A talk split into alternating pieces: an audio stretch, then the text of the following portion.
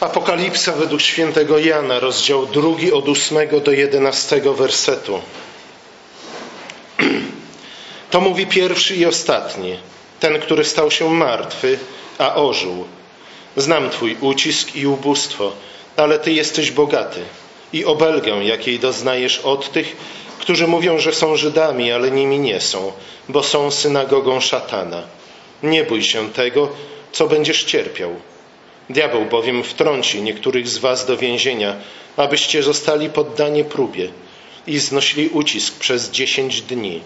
Bądź wierny aż do śmierci, a dam ci wieniec życia. Ten, kto ma uszy, niech usłyszy, co duch mówi do kościołów.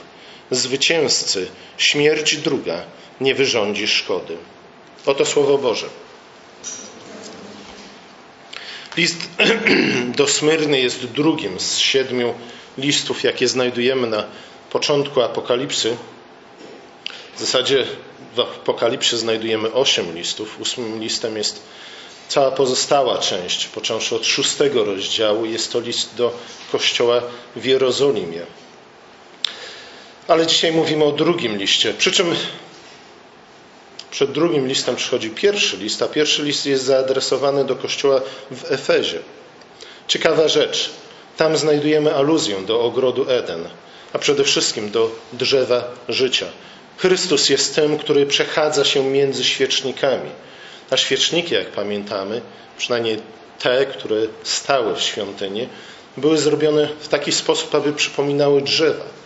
Były, zatem płonącymi drzewami. Chrystus jest tym, który przechadza się między drzewami. I w tym liście również obiecuje owoc z drzewa życia tym, którzy zachowają, zachowają pierwszą miłość. W liście do Smyrny z kolei znajdujemy aluzję do życia patriarchów. Ja, widzimy zatem, że e, te listy nie są przypadkowo poukładane, ale układają się w jedną całość, która odpowiada historii, jaką znamy ze Starego Testamentu. Podobnie jak Józef, podobnie jak Abraham, podobnie jak inni patriarchowie, chrześcijanie w Smyrnie doświadczyli prześladowań. Chrześcijanie w Smyrnie niedługo znajdą się w więzieniu. Ale Chrystus obiecuje, że przez to doświadczenie śmierci obdarzy ich nowym życiem. Chrystus nie obiecuje, że uchroni ich od doświadczenia śmierci, ale raczej, że obdarzy ich poprzez tę śmierć nowym życiem. Że jeśli pójdą na tę śmierć, wtedy otrzymają nie tylko nowe życie, ale również koronę życia. Doświadczenie śmierci w różnych postaciach, nie? bo śmierć jest nie tylko końcem życia. Śmierci doświadczamy na wiele różnych sposobów. Rozwód jest doświadczeniem śmierci nie tylko dla tych, którzy się rozwodzą, ale przede wszystkim dla dzieci. Na wiele sposobów doświadczamy śmierci, kiedy musimy zrezygnować z czegoś, co jest nam drogie, bliskie i cenne. Zagrożenie śmiercią i doświadczenie śmiercią pod wieloma różnymi postaciami było stałym w zasadzie doświadczeniem właśnie patriarchów. Pamiętamy na przykład Abrahama, on jest stary. I mówi, że moje ciało już obumarło. Jego żona jest nie dość, że bezpłodna, ale także stara. Kraj, w którym mieszka Abraham, jest doświadczony głodem, a zatem śmiercią. W końcu Bóg każe Abrahamowi zabić własnego syna. Nie? Czasami nam się wydaje, że chcielibyśmy być Abrahamem. Może jednak lepiej nie ze względu na to, że te rzeczy, te doświadczenia, przez które dochodził Abraham, oznaczały, że całe jego życie było naznaczone piętnem śmierci. Podobnie też wiernym w Smyrnie grozi ucisk, bieda, ataki ze strony Żydów, uwięzienie i w końcu śmierć. To jest to, czego już doświadczyli częściowo i to jest to, czego jeszcze doświadczą. Wielce zachęcający list, zgadza się? My, my non-stop szukamy pocieszenia i zachęty. To jest sposób, w jaki Chrystus nas pociesza. Może dlatego Jezus przedstawia się w, tym liście właśnie jako pierwszy i jako ostatni, jako alfa i jako omega. Pierwsza i ostatnia litera alfabetu greckiego. Co więcej, on się przedstawia jako ten, który umarł, ale który ożył. Ożył, ponieważ umarł. W tych słowach Jezus przypomina nie tylko to, co znajdujemy w innych częściach pisma, mianowicie, że wszystko przez Niego zostało stworzone, wszystko w Nim istnieje i wszystko dla Niego istnieje. On w tym sensie jest oczywiście początkiem, początkiem stworzenia, początkiem wszelkiej historii. Ku Niemu też zmierza wszystko. On jest celem całej historii. W zmartwychwstałym Chrystusie ujrzeliśmy niejako przebłysk tego, ku czemu cały świat, cała historia zmierza. Ale w tym przypadku te słowa ja jestem pierwszy i ostatni oznaczają coś jeszcze, właśnie przez dodanie tych słów ja jestem tym, który umarł, ale również ożył. W nim śmierć przestaje być końcem, ale staje się nowym początkiem. Słuchajcie, to jest niesamowite. Gdybyśmy tak naprawdę zastanowili się nad tym, to by nam mózgi eksplodowało od tego, nie? że w Chrystusie śmierć nie jest końcem, ale staje się nowym początkiem. I tego nowego początku możemy doświadczać w nim na wiele różnych sposobów. W Chrystusie śmierć jest początkiem. I w tym właśnie sensie Chrystus jest początkiem, jest alfą, ponieważ jako pierwszy pokonał śmierć i otrzymał życie wieczne. Ale On również jest początkiem ze względu na to, że On jest źródłem wszelkiego życia. Ale przede wszystkim w tym kontekście On jest źródłem nowego życia. On jest końcem, ponieważ ku Niemu wszystko zmierza. Także nasze życie zmierza ku Niemu. Koniec końców znajdziemy się w ramionach Chrystusa. Dla chrześcijan było to bardzo ważne, aby pamiętać o tym, że Chrystus jest początkiem i końcem, i zwłaszcza w tym szczególnym znaczeniu, iż w nim śmierć staje się nowym początkiem, iż w nim ze śmierci rodzi się nowe życie. Muszą pamiętać, komu służą, komu zawierzyli, komu zaufali, w czyje ręce powierzyli całe swoje życie swoją, swoje życie teraźniejsze i swoją przyszłość. A to ze względu na to, że nadchodzą złe czasy.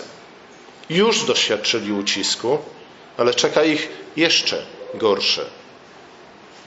Już z powodu złych języków doświadczyli ucisku, które poskutkowały już biedą. Ale to nie koniec. To dopiero początek tego, co ich czeka. Ci, którzy atakują ich z inspiracji szatana, doprowadzą do ich uwięzienia, a być może również do ich uśmiercenia. Jezus, bo to On jest autorem tych listów, stwierdza, że prześladowanie chrześcijanie w Smyrnie, prześladowcami chrześcijan w Smyrnie są ci, którzy uważają się za Żydów, lecz są synagogą szatana. Pamiętamy, że w podobny sposób było także w przypadku Jezusa.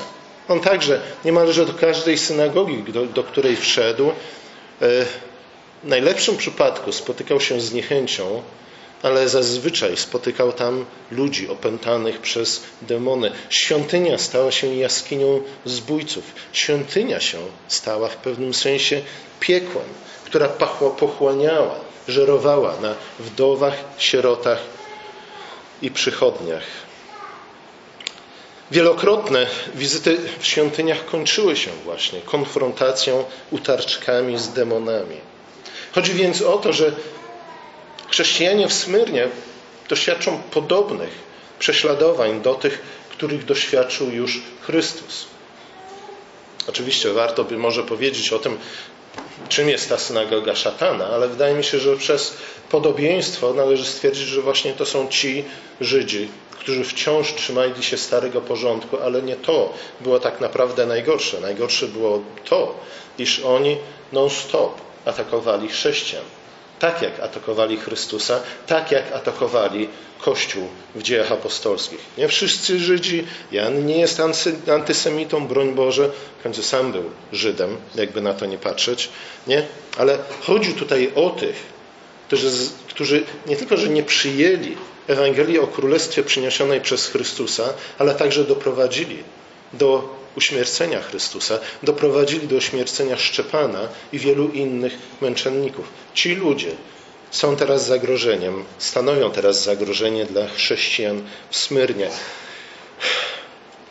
Ale ważniejsze od tego, z czyjej strony przyjdzie to zagrożenie, jest właśnie to, iż chrześcijanie w Smyrnie doświadczą podobnych prześladowań, jakich doświadczył Chrystus. Nie? I to właśnie podobieństwo do Chrystusa w prześladowaniach jest bardzo ważne, ze względu na to, że ono prowadzi do podobieństwa do Chrystusa również w czymś innym. Doświadczenia chrześcijan w Smyrnie będą nie tylko podobne, ale będą też kontynuacją doświadczeń samego Chrystusa.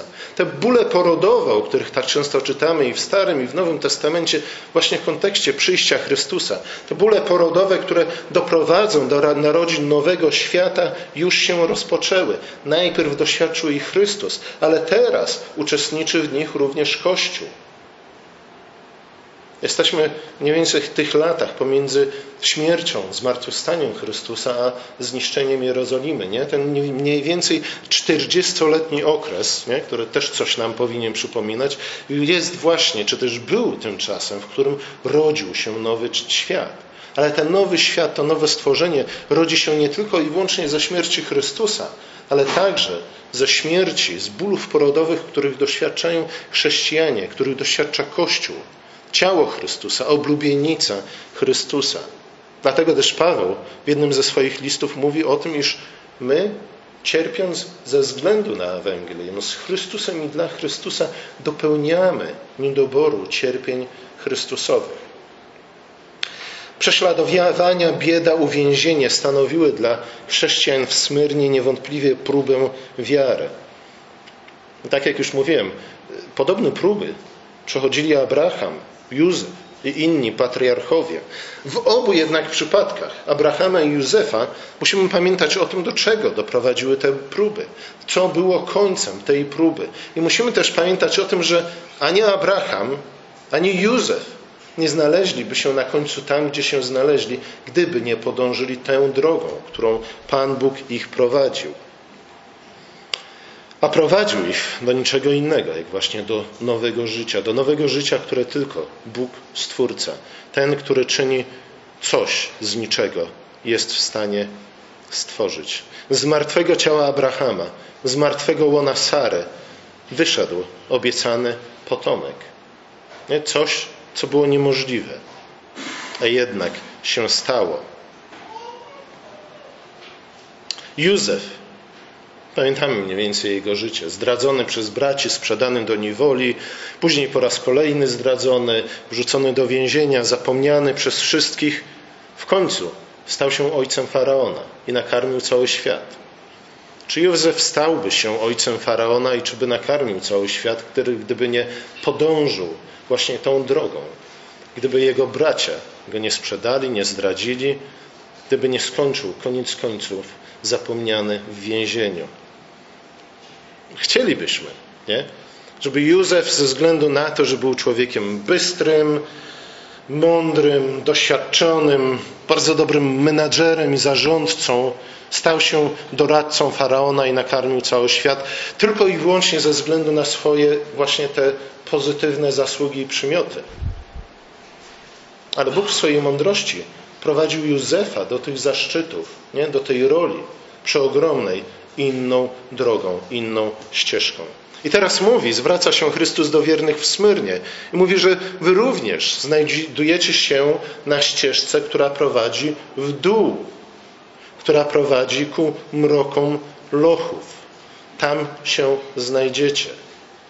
Nie, nie liczcie na szybką ulgę, nie liczcie na to, że coś szybko zmieni się w waszym życiu. Nie, gdyby Pomyślmy o tym. Józef Został zdradzony przez braci, sprzedanych do niewoli, znalazł się w domu Potyfara, a żona Potyfara nigdy by nie zaczęła knuć przeciwko Józefowi. Jak to by się skończyło? Józef byłby zarządcą domu Potyfara. Potyfar nie był byle kim, był, wszystko na to wskazuje, dowódcą gwardii królewskiej, jednym z najważniejszych ludzi w królestwie, nie? I tyle. I Józef żyje sobie do końca życia e, fajnie i miło jako zarządca domu Potyfara. I co? No, w kontekście osobistego życia Józefa pewnie by tego nie żałował, nie? Ale jak wiele więcej dobrego wynikło z tego, że e, żona Potyfara była po prostu złą kobietą, nie? Jak wiele dobrego wynikło z tego, że Józef znalazł się w więzieniu i tam spotkał podczaszego i piekarza, faraona. Nie, nie wiemy, nie wiemy, jakimi ścieżkami Bóg nas poprowadzi, ale On często prowadzi nas różnymi dziwnymi ścieżkami. Pojmowanie szczęścia jako natychmiastowej ulgi nie jest zbyt biblijnym podejściem. Nie? Jeśli wszystko, co w życiu robimy i szukamy, to jest właśnie ulga, daleko najprawdopodobniej nie zajdziemy. Nie? Czasami musi nas zaboleć po to, żeby z tego wynikło coś dobrego. Pamiętajmy o Abrahamie, pamiętajmy o Józefie i może właśnie dlatego Jezus czyni aluzję właśnie do między innymi tych dwóch patriarchów, pisząc do Smyrny ze względu na to, że to, co ich czeka, to, czego oni doświadczą, nie? Musimy pamiętać też przy okazji, że nie wszyscy chrześcijanie podążają dokładnie tą samą drogą. Nie? Jedenasty rozdział listu do Hebrajczyków przypomina nam o tym dobitnie, nie? Ale to, co doświadczy chrześcijan w Smyrnie, będzie bardzo podobne do tego, czego doświadczył Abraham, a zwłaszcza Józef.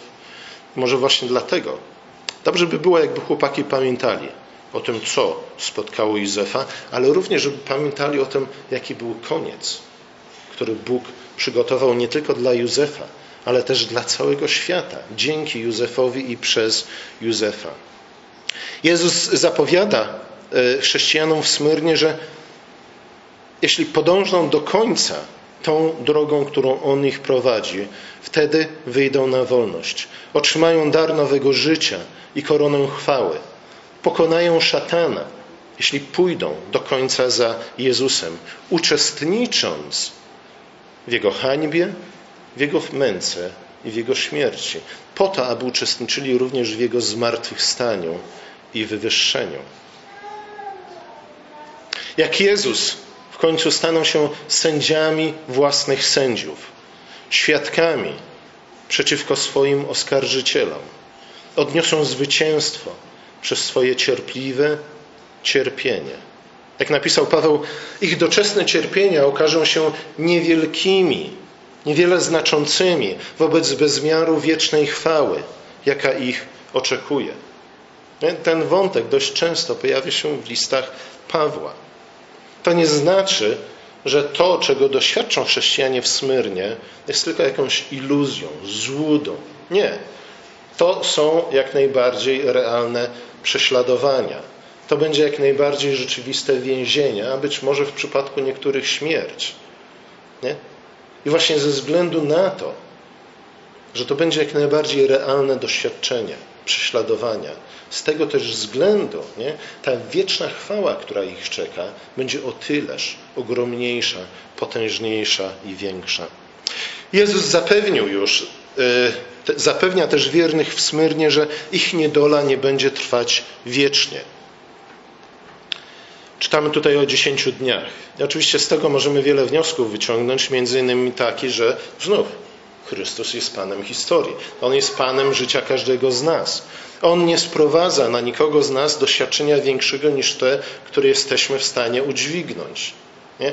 On panuje nad historią i życiem każdego z nas i z tego względu to doświadczenie więzienia będzie ograniczone w czasie.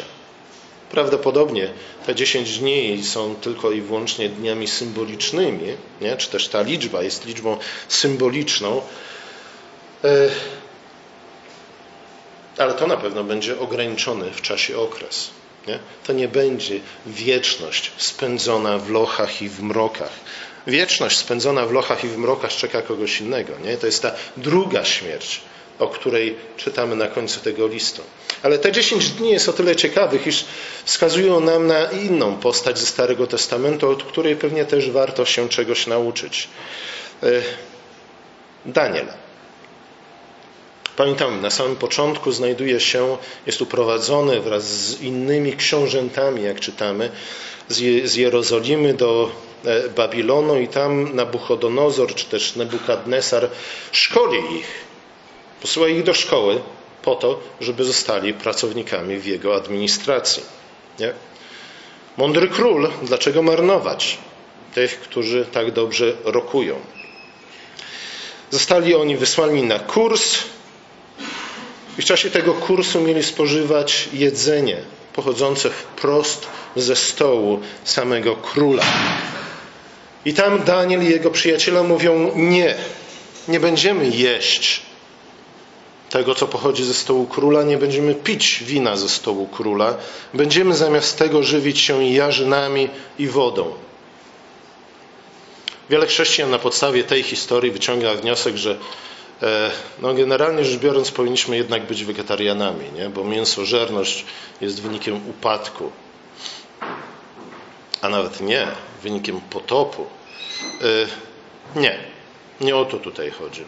Jeśli warto jest być wegetarianinem, to prawdopodobnie z innych przyczyn, e, ale ta historia nie mówi o zdrowym odżywianiu się. Mówi o czymś o wiele, o wiele poważniejszym i ważniejszym. E, spożywanie pokarmów ze stołu króla. Co to oznacza? No, powinniśmy wiedzieć, ze względu na to, że każdej niedzieli, e, o ile nie zaśpimy, spożywamy pokarm ze stołu króla. Zgadza się? To jest stół króla. I to jest pokarm ze stołu króla. Co to znaczy, że spożywamy pokarm ze stołu króla? No to oznacza komunię, nie? czyli wspólnotę. To oznacza przymierze. To oznacza, że jesteśmy ludem tego króla. To oznacza między innymi, iż złożyliśmy i potwierdzamy nasz hołd, nasze poddaństwo ale też nasze zaufanie i naszą wierną służbę. Daniel wygląda na to razem ze swoimi przyjaciółmi. Chcieli w ten sposób zaznaczyć, iż tak, królu, będziemy Tobie służyć. Nie? Ale jest król, który stoi ponad wszelkimi królami. Nie? Jest król, któremu przede wszystkim będziemy służyć, i ponieważ jesteśmy Jego wiernymi sługami, dlatego będziemy również Twoimi dobrymi sługami, o ile coś fantastycznie głupiego nie wpadnie Ci do głowy. Nie? I rzeczywiście widzimy później, że w którymś momencie Daniel i jego przyjaciele odmawiają posłuszeństwa królowi ze względu na to, że jest król, który stoi ponad królami. Oni przez dziesięć dni nie jedzą pokarmów ze stołu króla i żywią się nie tyle jarzynami, co raczej e, ziarnem myśli. Tak to się chyba nazywa, nie?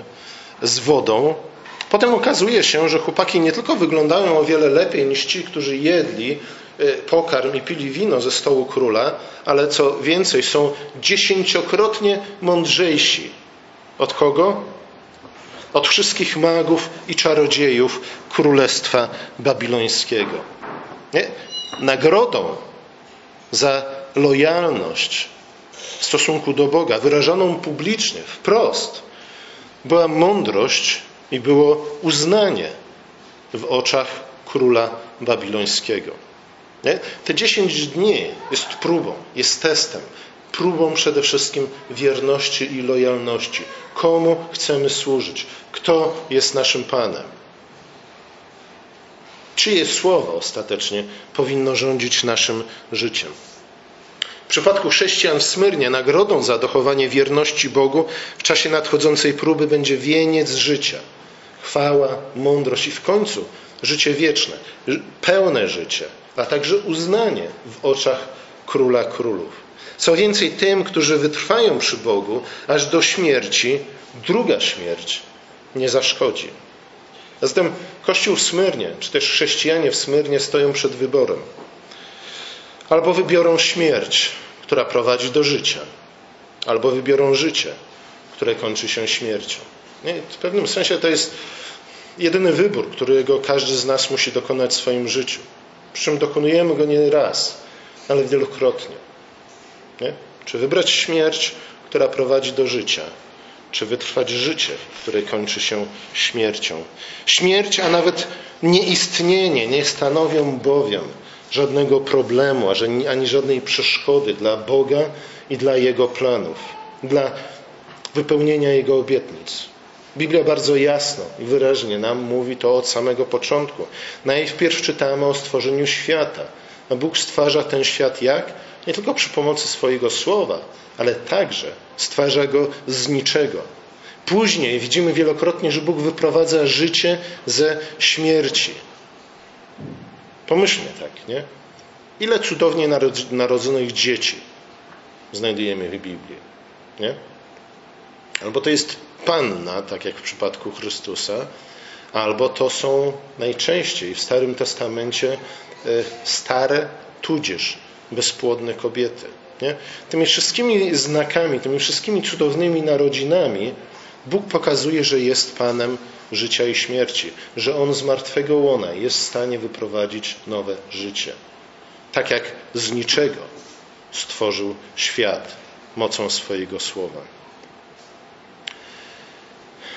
Teraz chrześcijanie w Smyrnie stają przed podobnym wyzwaniem, przed którym stanął Abraham, Józef, Daniel, albo pójdą na śmierć za barankiem, który był umarły, ale żyje. Albo podejmą próbę ratowania własnego życia na własną rękę i dotknie ich druga śmierć, czyli śmierć wieczna. Jak to się mówi, lepiej umrzeć z Chrystusem niż żyć bez Niego. Zanim jednak podejmą decyzję, co zrobić, Chrystus chce, aby pamiętali, nigdy o tym nie zapominali, że nawet jeśli prześladowcy chrześcijan zdołają odebrać im życie, to tylko i wyłącznie przyłożą rękę do ukoronowania ich wieńcem życia. Gdyż dla tych, których życie ukryte jest w Chrystusie, nawet przegrana, nawet porażka, nawet śmierć jest zwycięstwem. Amen.